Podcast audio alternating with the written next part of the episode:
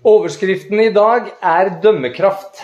Og vi fortsetter jo fra bergprekenen, slik som vi har holdt på nå lenge. Og vi har kommet til det siste kapittelet der, i Matteus 7, og vi leser sammen fra vers 1 og til vers 6 i Jesu navn. Døm ikke, for at dere ikke skal bli dømt. For med den dommen som dere dømmer, skal dere selv dømmes. Og med det målet dere måler, skal dere selv bli tilmålt. Hvorfor ser du flisen i din brors øye, men bjelken i ditt eget øye blir du ikke var? Eller hvordan kan du si til din bror, la meg trekke flisen ut av øyet ditt? Og se, det er en bjelke i ditt eget øye. Du hykler. Dra først bjelken ut av ditt eget øye, så kan du se og dra flisen ut av din brors øye. Gi ikke hundene det hellige, og kast ikke deres perler for svin. De vil bare tråkke dem ned med føttene sine og snu seg mot dere og rive dere i stykker. Kjære Herre, vi ber om at uh, du med din ånd nå må åpenbare dette for oss, slik som bare du kan. La ikke meg stå i veien for dette ordet, og hjelp meg å tale sant og rett om det. Amen. I uka som har gått, så har jeg fått vært i Kapernaum. Jeg var like ved dette stedet hvor Jesus talte denne talen som vi faktisk nå har holdt på med i mange uker her. Og det er et vakkert sted. Og spesielt nå på vinteren hvor det har vært en del nedbør, og det er grønt og frodig overalt, og vannet i Genesaretsjøen var fullt opp igjen. Det har visst vært veldig lavt en god stund, men nå det liksom, gikk det helt opp til kaia, om du vil, eller stranda, sånn at du slapp liksom dette lange strekket med bare gjørme omtrent, da. Og jeg kunne bedømme at det var vakkert der fordi at jeg har øyne som fungerer. Øyne som kunne nyte utsikten der utover Genesaretsjøen, og øyne som da kunne bedømme tilstanden på marken. Jeg kunne skjønne at det var nok fuktighet i jorda, jeg kunne se at trær, planter og, og, og dyr de trivdes, blomstene kom opp. Øyne som kunne dømme fordi de tok imot lyset som kom fra sola. Det som alt dette rundt meg reflekterte tilbake igjen til meg. Og dette lyset det ga meg kunnskap til å bedømme tilstanden rundt meg på en rett og sann måte. Øyet er legemets lys, har jo Jesus snakka om litt tidligere. Og så i dag så fortsetter Jesus å snakke om øyet. Og øyet det er et veldig følsomt område, og det er jo derfor et veldig godt sted å begynne når vi skal snakke om det å dømme. Fordi dømming det er nemlig også et svært følsomt område. Og det er jo bare å se en fotballkamp eller tre for å forstå at eh, dømming det skaper følelser. Voksne menn som spurter mot dommeren, og så får de noen ansiktsuttrykk og noen trekk der som de eh, vel du sjelden ser andre plasser. Og de begynner å gestikulere og gape veldig høyt. Ja, Gjerne sier de noen ord også, som gjør at dommeren noen ganger må begynne å putte hånda si ned i brystlomma og trekke opp noe kort og greier. Så er likevel fotball veldig uskyldig. Men å bli bedømt, det kan altså være ubehagelig. Å bli dømt, det kan være vondt. Å bli fordømt, det kan være helt uutholdelig. Døm ikke. Ja, slik starter altså Jesus dagens tekst. Og så synes det å være liten forskjell på mennesker som bekjenner seg til som kristne, og de som ikke gjør det. Begge grupper har fått med seg akkurat disse ordene fra Jesus. En skal ikke dømme. Og jeg har møtt mennesker som aldri har satt sine ben i en kirke, og andre som har gått i kirke og bedehus i over 50 år. Og jeg har opplevd at eh, er det noe de kan, så er det akkurat det ordet her. Det kan de. Og det kan oppleves litt ironisk, syns jeg, at et bibelvers som synes å være så kjent, likevel er så lite forstått. For mange synes nemlig å stoppe der hvor Jesus begynner. Og kanskje husker en jo ikke mer av verset enn akkurat denne begynnelsen. Og kanskje kjenner man heller ikke konteksten til dette og fortsettelsen i denne talen. Misbruk av Guds ord det har en lang tradisjon. Det begynte jo allerede i Edens hage, og det har fortsatt siden både innafor og utafor troende sammenhenger. Men det er jo ikke bare ordene 'om å dømme' her som er blitt misbrukt. Det å kaste dom er jo virkelig også svært ofte misbrukt. Det er jo ingen mennesker som liker å bli dømt. Jeg liker det ikke. Jeg tror ikke noen av dere liker det heller. Og Derfor så er det ikke så rart at de fleste tydelig viser allergi mot dømmende ytringer og handlinger fra andre. Og det også selv de gangene hvor vi kan kjenne at den dommen kanskje var rett og sann. Og om man vokste opp i et samfunn som dømte en, f.eks. om du spilte kort, eller du dansa, eller du drakk alkohol, eller du fiska på søndager, eller spilte trommer, eller gikk i bukse, eller klippa håret, altså you, you name it, eller du opplevde at mennesker krevde at en måtte forholde seg til kristen moral når man overhodet ikke bekjente noen kristen tro, så var det nesten dømt til at et opprør måtte komme. Samtidig så kunne jeg ha undra meg over at de seneste generasjonene som har vokst opp i et samfunn som bare har hatt ett bud, nemlig 'døm ikke', synes å bli mennesker som holder på å bli minst like fordømmende som tidligere. Samfunn der toleranse har vært ansett som den ypperste verdi, synes å bli stadig mindre tolerante, eller rett og slett bli intolerante. Resultatet synes å være generasjoner av det som man på godt norsk da kaller snowflakes. Eh, mennesker som altså ikke klarer å håndtere eller tolerere uenighet rundt viktige spørsmål. Og der mange etter hvert begynner å rope på såkalte safe spaces, steder som synes å være designet for at mennesker skal slippe å måtte forholde seg til andre tanker enn de man får undervist på det lærestedet man er, eller som er politisk korrekt i samfunnet for øvrig. Steder som gjør at man kan slippe å måtte forholde seg til paradokser. Slippe å møte andre menneskers dom og bedømning over egne tanker, meninger og gjerninger. På mange måter steder der du slipper å tenke. Og alt det her, det vitner om noe annet. Det vitner om at stadig flere synes å mangle både evne og vilje til god dømmekraft. Evne og vilje til god dømmekraft. Og så bør kanskje ingen undre seg egentlig så mye over en slik utvikling. For jeg mener at det henger svært nøye sammen med at samfunnets forståelse av dom nettopp slutter der Jesus, Jesus sin lære begynner. Døm ikke for at dere ikke skal bli dømt. Døm ikke for at dere ikke skal bli dømt. For med den dommen som dere dømmer, skal dere selv dømmes, og med det målet dere måler, skal dere selv bli tilmålt. Hva mener Jesus?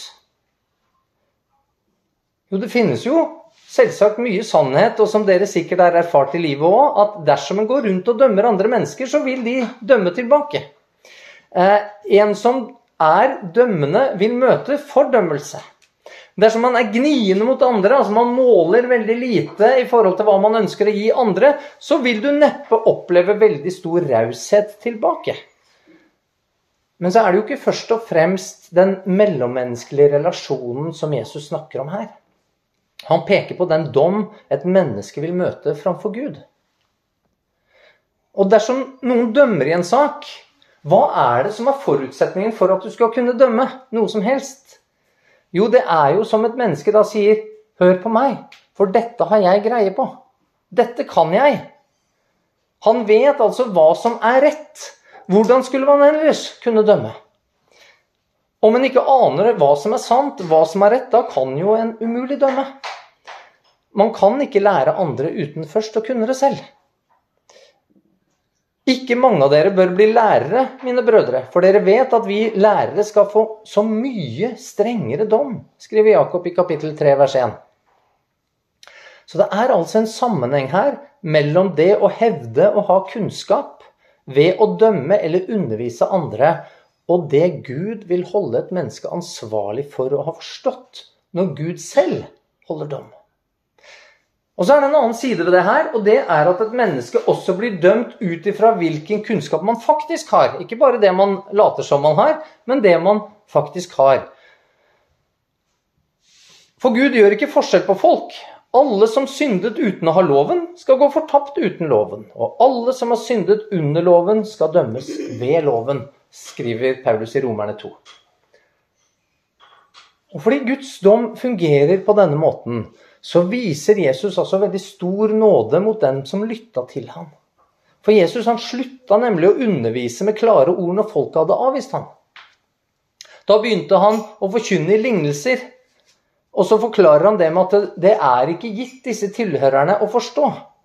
Altså, de, de, de, har allerede avvist, så nå forkynner han på en slik måte at de med vilje ikke skal forstå det han forkynner. Og Jesus gjorde det slik med vilje for at de ikke skulle få mer kunnskap og dermed pådra seg en strengere dom. Og Pga. dette så bør et menneske derfor være altså hellig overbevist om at man besitter sann kunnskap før en dømmer eller underviser andre i noe som helst. Og I verste fall så kan det også gå så galt som det Jesus snakker om i Matteus 18,6 men den som forfører en av disse små som tror på meg, for ham var det bedre om en kvernstein ble hengt om halsen på ham, og han ble senket i havets dyp. Den Guds dom en som hevder å ha kunnskap, men som sprer løgn, vil få, er altså så streng at drukning til sammenligning er vesentlig bedre. Og dommen er streng fordi den kunnskap vi mener å besitte, og som vi sprer rundt oss, har evige konsekvenser.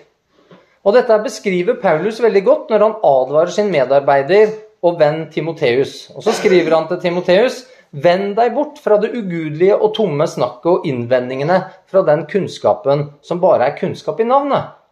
Altså med andre ord den kunnskapen du tror du har, men som egentlig er løgn. Som ikke er sant. Noen har bekjent seg til den, og dermed forvillet seg bort fra troen. Altså med andre ord det du går og sprer rundt som sannhet, enten i form av at du dømmer, eller i form av at du underviser eller lærer andre, det har evige konsekvenser. Det kan føre til at noen farer bort fra troen. Og Når vi begynner å forstå dette bildet som jeg har prøvd nå å tegne opp for dere, så er det kanskje slik at noen og enhver tenker at det å stoppe etter at Jesus har sagt 'døm ikke', det er veldig fornuftig. Ja, jeg ville nesten våge å, å, tro at noen vil tenke det må da vel være det eneste rette.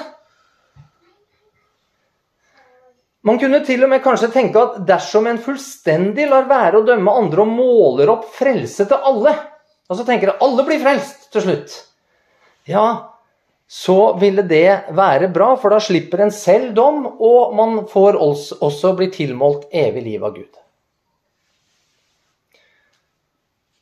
Så vil likevel Jesus gi oss en større forståelse av dette. Og han begynner derfor å si at noen som har en bjelke i øyet, ikke må forsøke å trekke flisen ut av sin brors øye.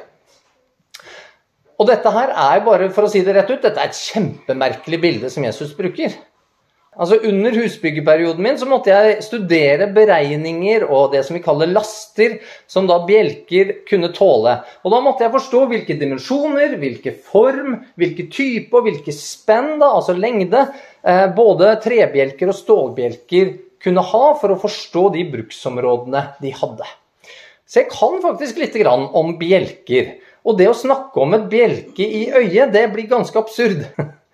Altså, Se for deg en fyr som går rundt med en fem meter lang to tom åtte tom i øyet. Altså, det er altså 4,8 cm bred og ca. 20 cm, eller 19,8 cm høy. For deg som da ikke henger på Byggmax eller eh, Maxbo sånn til daglig. Se for deg noen som har noe sånt stikkende ut av øyet sitt. Det blir litt vanskelig å se for seg, til og med.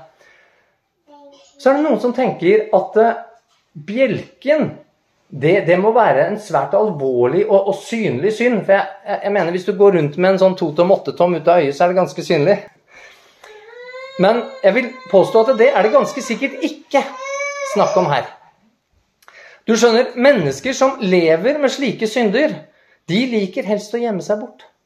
De, de utfører sine gjerninger i mørket, gjerne ute av syne fra andre mennesker.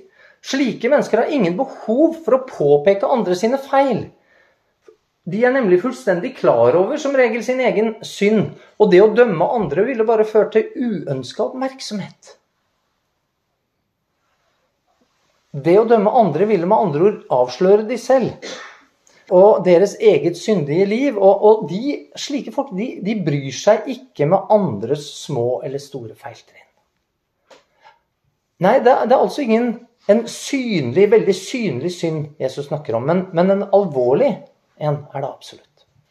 Jesus han vitner om at mennesker som har en bjelke i øyet, er akkurat det de ville blitt om de faktisk hadde en bjelke i øyet, nemlig blind. Helt blind. Syndere med synlige syndere er ofte klar over sin egen tilstand, men disse her som Jesus snakker om, synes ytre sett å være lite prega av synd. De synes tvert imot å være bra folk. Lovlydige, dydige, gudfryktige, kanskje til og med mennesker. Men de er likevel samtidig totalt blind for sin egen tilstand. Og det er det som gjør dette så ekstra alvorlig. De er åndelig blinde. Og det er nettopp det som gjør at de har behov for å dømme andre. Det er blindheten over egen situasjon som ironisk nok gjør dem så oppmerksomme på alle andre sine feil. Og andre sine problemer. De dømmer altså andre ut ifra en opplevelse om seg selv som ikke stemmer med virkeligheten. Under byggeperioden så fikk jeg rusk i øyet ganske mange ganger. Det er vanskelig å unngå. Og En gang så fikk jeg et ørlite stålspon fordi jeg hadde brukt vinkelsliper på en diger stålbjelke som jeg måtte kutte. Og det er stålsponet det var altså så lite at det var så vidt det syntes. Og det var langt ifra størrelsen på en flis. Det kan jeg i hvert fall fortelle dere litt om, for jeg har fått noen fliser opp igjennom òg. Eh, men tro meg, jeg var ganske ubrukelig i de 24 timene det tok før altså dette nesten usynlige stålsponet var ute av øyet. Flis på øyet, det er ingen bagatell. Ingen som har noe som helst kjennskap til det, kan og erfaring rundt å få noen flis på øyet, kan altså kunne påstå at vi snakker om bagateller. Så Jesu bilde er altså veldig treffende her. Øyet er legemets lys. Og med en flis så blir et menneske ute av stand til å fungere slik som det burde. En kan nok saktens så vidt se da, mellom, mellom alle tårene, sant? der du blunker deg i hjel omtrent. Eh, men man har heldigvis likevel en viss mulighet til fortsatt å kunne forstå sin egen situasjon. Man er ikke totalt blind. Det er en, likevel en veldig alvorlig tilstand som man så snart som mulig må få gjort noe med. Og det er Jesus sitt poeng her. Flisen må ut. Og dette burde jo ikke være overraskende når Jesus litt tidligere i den samme talen konkluderte om at den må være fullkommen slik min himmelske Far er fullkommen. Det er særdeles viktig at flisen må bort, for den er alvorlig ødeleggende slik som den står i øyet, og dersom den ikke tas ut, så vil tilstanden forverre seg ytterligere. Og dette vet vi fordi Jesus allerede i forrige kapittel har sagt Men om ditt øye er sykt, da blir hele legemet mørkt. Er nå selve lyset i deg mørke, hvor dypt blir da mørket? Altså, Vi snakker ikke om små og mindre alvorlige, eller en voldsomt alvorlig synd på ene sida og en bagatell på andre sida. Overhodet ikke. Spørsmålet blir altså om man selv innser at den må ut, eller om man er ydmyk nok til å lytte til andre som påpeker at flisen finnes, og godtar at den må tas ut. Og så er jo spørsmålet hvem som skal ta den ut. Du skjønner at en som skal begynne å operere på kanskje det mest følsomme området du har, han er det veldig greit at han vet hva han driver på med. Det må gjøres på en slik måte at ikke hele øyet blir ødelagt i prosessen. Det må gjøres av en som selv ikke er blind. Og Dessverre så er det mange som lar seg operere av mennesker som hevder å være øyeleger, men som ikke er det.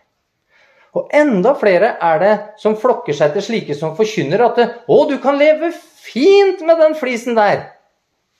Ja, du kan leve med mange flis i øyet. Det går helt fint. Bare gi meg litt penger.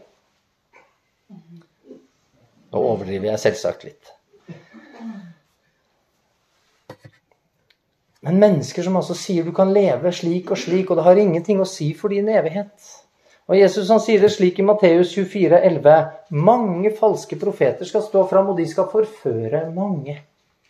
For begge grupper er likevel disse tingene det er frivillig. Du går frivillig til en øyelege som ikke er det, og du går frivillig og hører på dem som sier at du kan leve med flisen. Men resultatet er likevel fatalt. Men for andre så er dette en ufrivillig prosess. Og Vi kan lese om dette i Johannes 8. Der møter vi en kvinne som har en flis i øyet. Hun er nå dømt, og hun er ufrivillig dratt ut foran mange som er veldig ivrig til å fjerne den flisen. Problemet er bare det at de som vil fjerne flisen, de ønsker å gjøre det ved å fjerne hele øyet. De vil ta kvinnens liv. Og Jesus sier da, 'Den som er uten synd, kan kaste den første stein'. Jesus han benekter ikke flisen. Han benekter ikke farene den utgjør for denne kvinnen.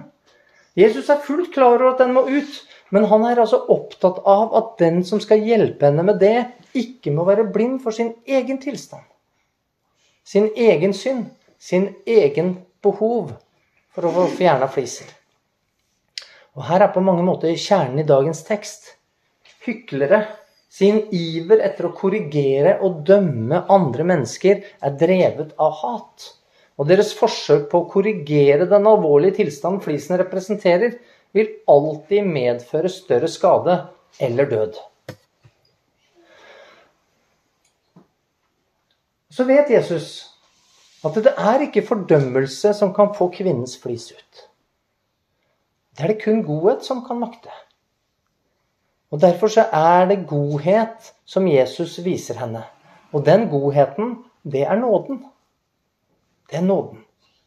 Men her må dere forstå at nåden er kun virkningsfull akkurat her fordi synden allerede er avslørt.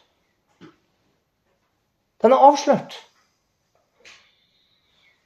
Og Paulus skriver om dette i Romerne 2.: Vet du ikke at Guds godhet driver deg til omvendelse?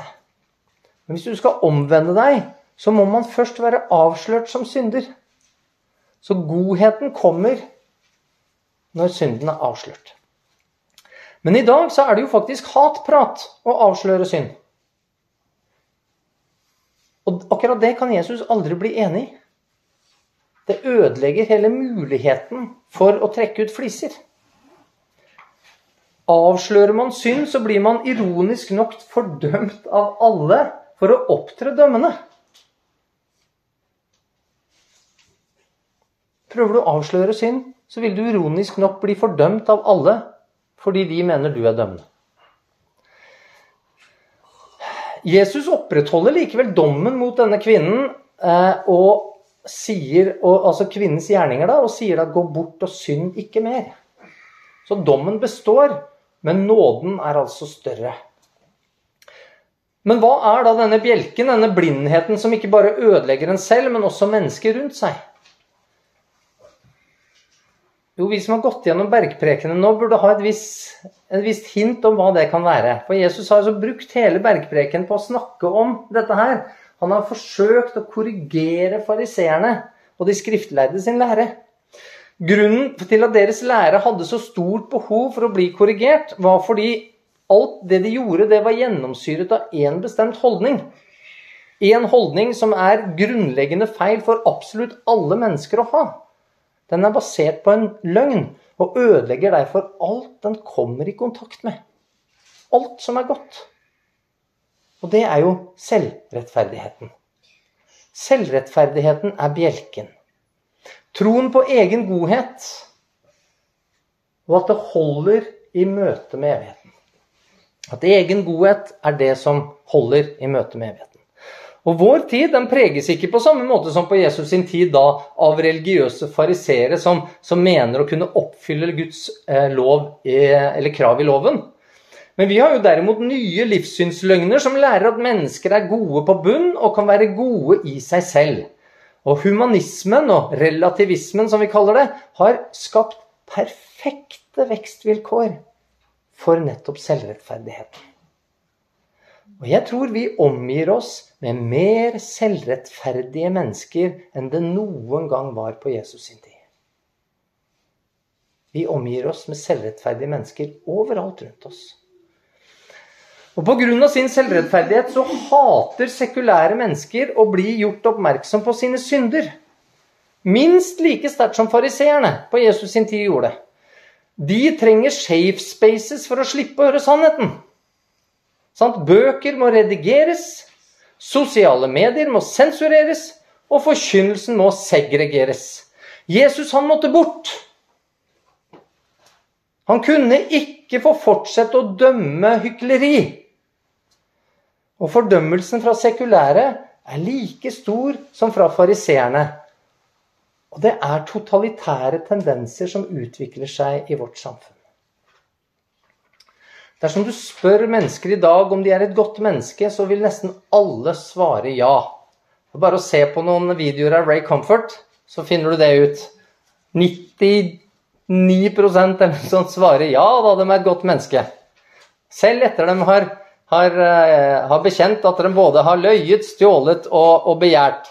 Så er de fortsatt gode mennesker. Og det er et lite hint akkurat der. Det er særdeles få også i dag som den tolleren som Jesus vitner om, som bekjente seg som synder i tempelet. Han hadde flisen i øyet, men han var altså klar over den. Og Slik var det også med Sakkeus. Og Derfor gikk han til Jesus for å få den fjerna. Og godhet er akkurat det Jesus møter Sakkeus med. Men igjen så er det jo fordi synden allerede er avslørt. Sakkeus var klar over det. Han bare, han bare lengta etter noen som kunne få lov til å ta den byrden som han følte så sterkt på. At han kunne få legge den av. Og så møter han Guds nåde, og så er han fri. Og så er det likevel en stor forskjell fra Jesu tid. For sekulære mennesker de utgir seg ikke for å være troende. Og det påvirker hvordan kristne skal møte slike. Der alvorlige synder kan skape sykdom på øyet, så vil rettferdigheten gjøre et menneske helt blind. Om ikke bjelken trekkes ut, så vil et menneske aldri forstå at det trenger frelse. Et menneske som er selvrettferdig, er altså på den sikre vei mot evig død. Og den døden som det, det livet representerer, det, det, sprer slike mennesker rundt seg så lenge de lever. Og merk dere derfor at når Jesus konfronterer selvrettferdighet og selvrettferdighet, så bruker han svært sterke virkemidler. Svært sterke virkemidler. Og det gjør han for å mulig å få dem til å innse denne bjelken. For å avsløre deres synd. Ja, Jesus han forsøker å gjøre litt av det som fariseerne gjorde med kvinnen tatt i hor. Altså ikke for å drepe dem, men han forsøker å dra de selvrettferdige ut på torget. Og dermed kunne avsløre hykleriet for alle. Og det kunne Jesus fordi han er Guds ord. Og Guds ord avslører synd. Og som for kvinnen så var dette her svært ubehagelig. Det er det fortsatt. Men Jesus gjør det likevel fordi disse selvrettferdige mente seg å være troende. Gjorde han de mot de som eventuelt ikke kalte seg troende? Det var nok mange selvrettferdige av de òg. Men han oppførte seg ikke slik mot de. Selvrettferdigheten er bjelken, og derfor er det den som er fattig i ånden, den som ser sannheten om seg selv, som er salig. Det er bare den, er bare den som er det, som er fattig i ånden, som blir var denne flisen i sitt eget øye, eller som er ydmyk nok til å lytte til dem som i kjærlighet vil gjøre et menneske klar over den. Det er bare den som er fattig i ånden, som kan forstå at denne flisen må ut, og at man ikke klarer å ta den ut selv. Og Derfor er det Jesus altså starter hele bergprekenen med denne grunnleggende sannheten. Når Jesus da sier 'døm ikke', er det et allment bud som gjelder for alle mennesker til alle tider. En kristen er kalt til å trekke flisen ut av sin brors øyne. Og for å kunne klare det er et menneske nødt til å ha god dømmekraft. Slik dømmekraft får kun den som har sett sannheten om seg selv. Som forstår at man er en synder og som trenger nåde fra Gud. En som har fått trukket ut egne fliser slik at man klarer å se. Klart. Et menneske der selvrettferdigheten ligger død og begravet. Men det er flere ting som Jesus lærer oss her. En kristen har ingenting med å trekke ut fliser fra øynene til dem som ikke tror. Det er kun av din brors øye du kan trekke ut fliser. Og Paulus han skriver dette her veldig tydelig eh, i 1. Korinterbrev 5, vers 12 og 13. Hva har vel jeg med å dømme dem som er utenfor? Er det ikke dem som er innenfor, dere dømmer? Men dem som er utenfor, skal Gud dømme. Støt da den onde ut fra dere. Skal man kunne dra ut fliser, så må man kunne se at det er en flis der. Og det er umulig å klare uten å evaluere sin brors ord og gjerninger og dømme disse opp imot en eller annen standard for sannhet. Noe som er standard for hva som er rett og galt. Og siden det altså er forbundet med så stor straff å dømme galt, så bør du altså være mer enn sikker enn det en bank noen gang kan være på at eh, du dømmer rett. En kristen har derfor kun én kilde for kunnskap, og det er Guds ord i Bibelen. Den hevder å være fullkommen sannhet og, som det står i, 2. Tim 3, nyttig til opplæring, til rettevisning, veiledning og oppdragelse i rettferd.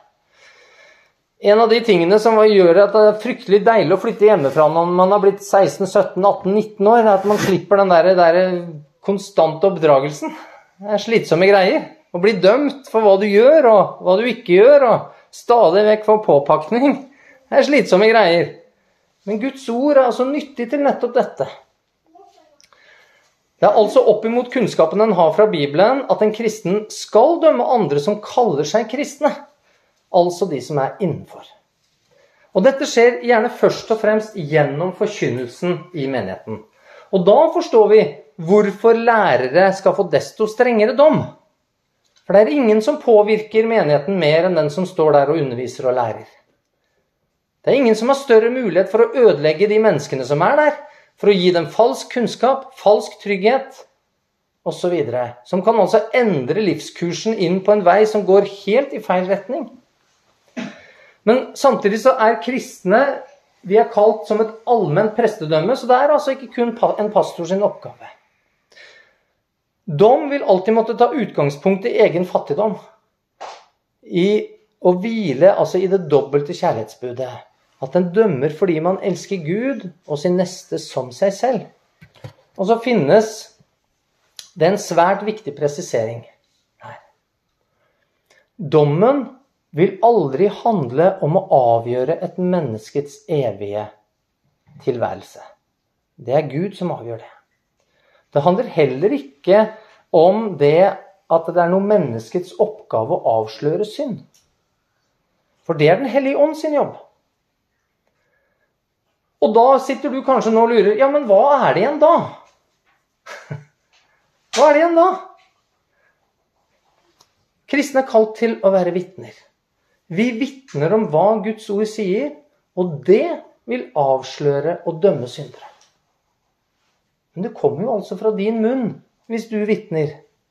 Og hva er det alle da tror? Hvem, hvem, er det alle rundt deg tror det er som dømmer da? De som ikke forstår dette? Jo, de tror det er du som dømmer.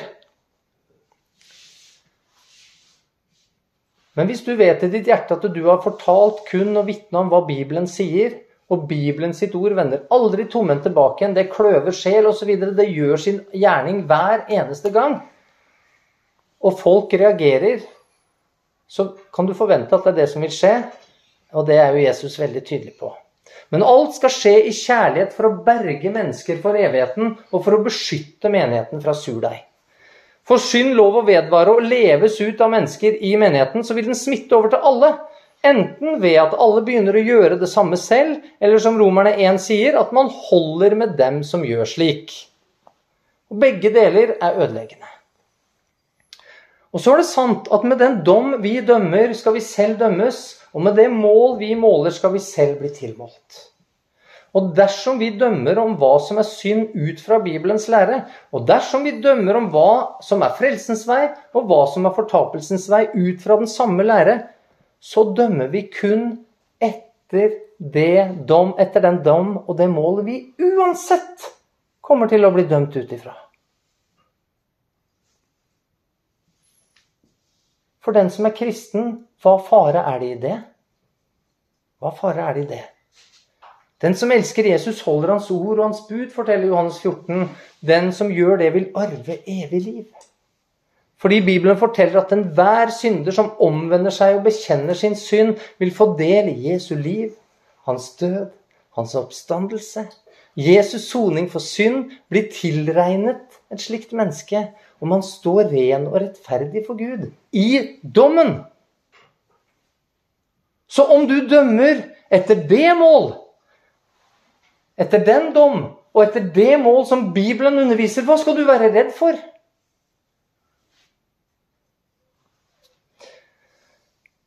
Der synd blir avslørt ved at det dømmes rett, og synden blir anerkjent som synd av den som blir avslørt, der skal vi ikke utvise fordømmelse. Og Her tror jeg det syndes en del. Men synderen skal vises godhet. Og den vises først og fremst gjennom å forkynne rett om den nåde som Jesus viser syndere. Men den godhet som driver, altså den godhet som driver et menneske til omvendelse. Men troende som står rundt, de skal utvise den samme godhet, både når det gjelder nåde i ord og gjerning. Og så oppstår da gjerne misforståelsen. Fordi også sanne dommer, basert på rette holdninger, vil kunne, eller som oftest så skaper det sårhet og sinne. En vil bli beskyldt for å være dømmende, selv om man gjorde det rett bibelsk som vitne, og det egentlig altså var Guds ord som dømte. Budbringeren vil likevel bli hata. Og når vi opererer på et så følsomt område, så er dette uunngåelig. Men Jesus han har lært oss at salig er de som sørger. Den som blir gjort var sin flis, og som lever som en bror vil, selv om det noen ganger kan ta tid, ja kanskje til og med lang tid, så vil han likevel kunne bli lykkelig fordi noen i kjærlighet ikke lot ham få lov til å gå med den flisen i øyet som kunne gjøre hele legemet mørkt. Det mennesket vil sørge over flisen og sørge for at den blir tatt ut. Og Før eller senere så vil han også takke den som dømte rett, på tross av at det kunne være vondt der og da.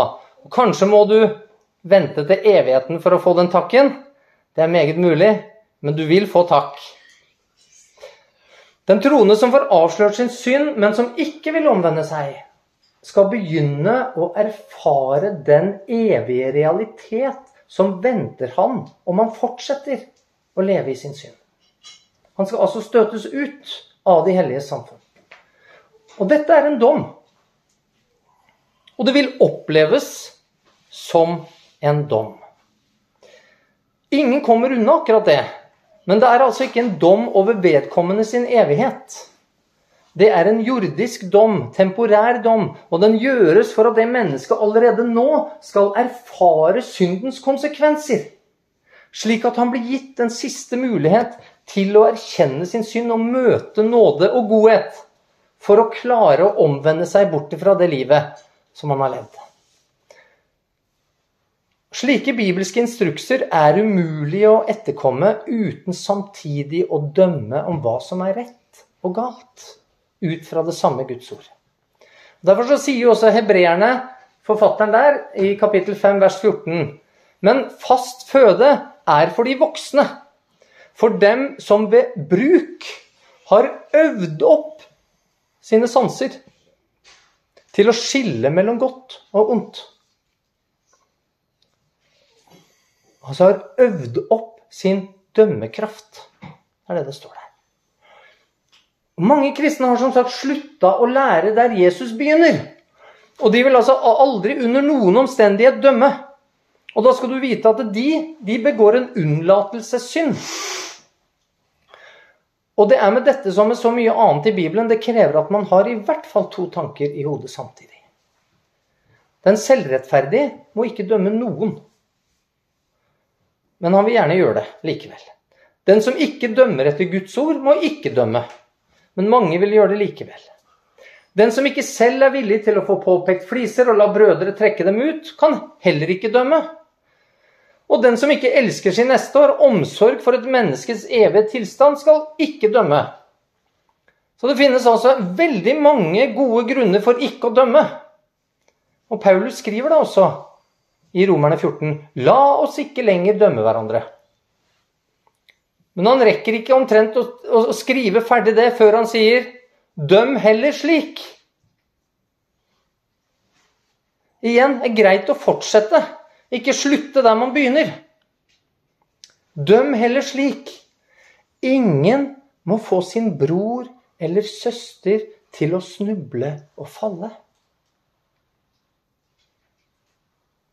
Men hvis du er den som slutter der Jesus begynner, og aldri under noen omstendighet skal dømme noen,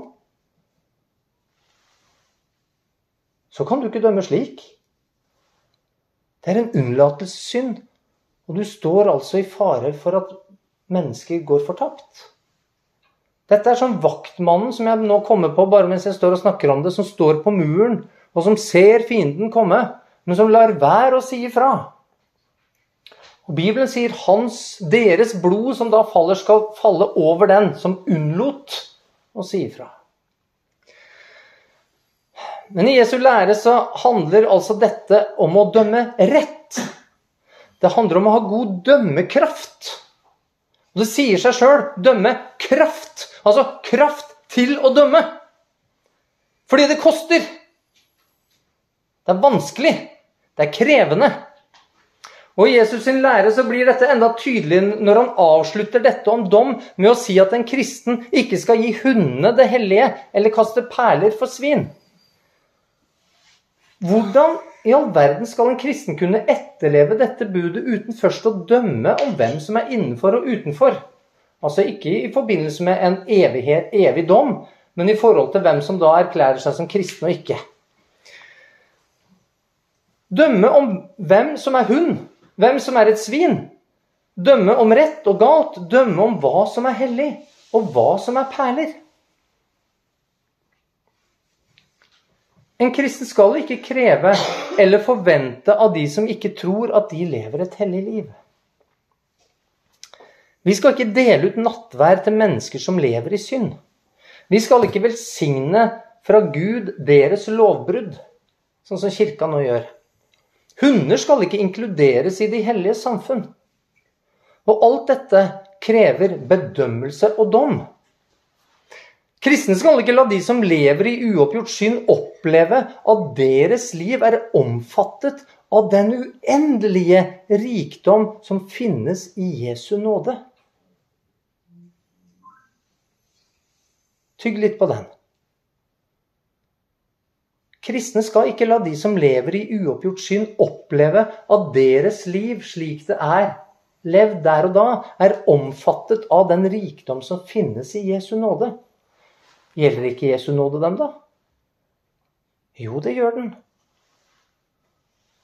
Men synd må først avsløres. Den må bekjennes. Det må tas et oppgjør. Så kommer nåden. Denne perlen, denne rikdommen Hvis du gir Guds nåde bare fritt utover til enhver som lever slik som en selv vil Det blir som denne perlen som slike bare vil tråkke ned i søla. Den vil ha null verdi for slike. Og Når dette er sagt, så skal vi vitne til mennesker som ikke er troende. Men også der så må vi altså dømme rett. For vi er kalt til også å børste støv av føttene om forkynnelsen blir forkasta. Å stå der og forkynne og forkynne og forkynne, eller kaste ut såkorn på steingrunn etter steingrunn etter steingrunn, hva er det det vitner om? Jo, det vitner om ubrukelig dømmekraft. Nei, du skal få lov til å gå videre. Og slippe å stå der og så til ingen nytte. Jesus han har undervist mye mot slutten i bergprekenen om hvordan sanne troende er. De salige. Han har undervist mye om hvordan man ikke skal leve, slik som hyklerne gjør det. Og her begynner Jesus å kreve at denne lærdommen, som vi nå begynner å bør forstå, er svært krevende. For nå skal vi begynne å leve ut det. Vi skal begynne å leve ut saligprisningene, Vi skal begynne å leve annerledes enn hyklerne. Så stilles det plutselig krav om at vi må ha god dømmekraft. Og vi forstår alle som skjønner dette, at dette krever mye av oss. Den som, treng, den som tror, trenger altså å bli voksen. Han, trenger å kjenne sannheten svært godt.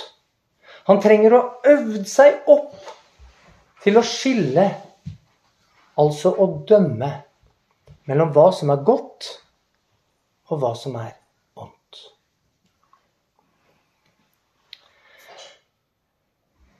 Kjære Herre, vi takker deg for ditt ord. Eh, vi ser, Herre, at her kommer vi noen og enhver til kort. Vi kjenner, Herre, at vi mangler både god dømmekraft, vi mangler sann kjærlighet, vi mangler sann kunnskap. Vi savner tålmodigheten som trengs. Og Herre, vi trenger din nåde i dette. Herre, må du utruste oss med god dømmekraft. La oss få lov til å søke deg i sannhet. Ta til oss av ditt ord. Være vitner som frimodig vitner sant om det du sier, og det du krever, og den nåden som du gir til syndere som omvender seg. Herre, la oss ikke bli av de som unnlater å gjøre din vilje fordi at det er så mye mer behagelig. La oss ikke bli lurt til å tro at vi er så kjærlige hvis vi lar folk flyte og leve på veien mot undergang. Herre, vi ber om at du ser i nåde til oss og gir oss den styrke vi trenger for dagen, slik at vi kan holde fast håpet for i morgen. Det ber vi om i Jesu navn. Amen.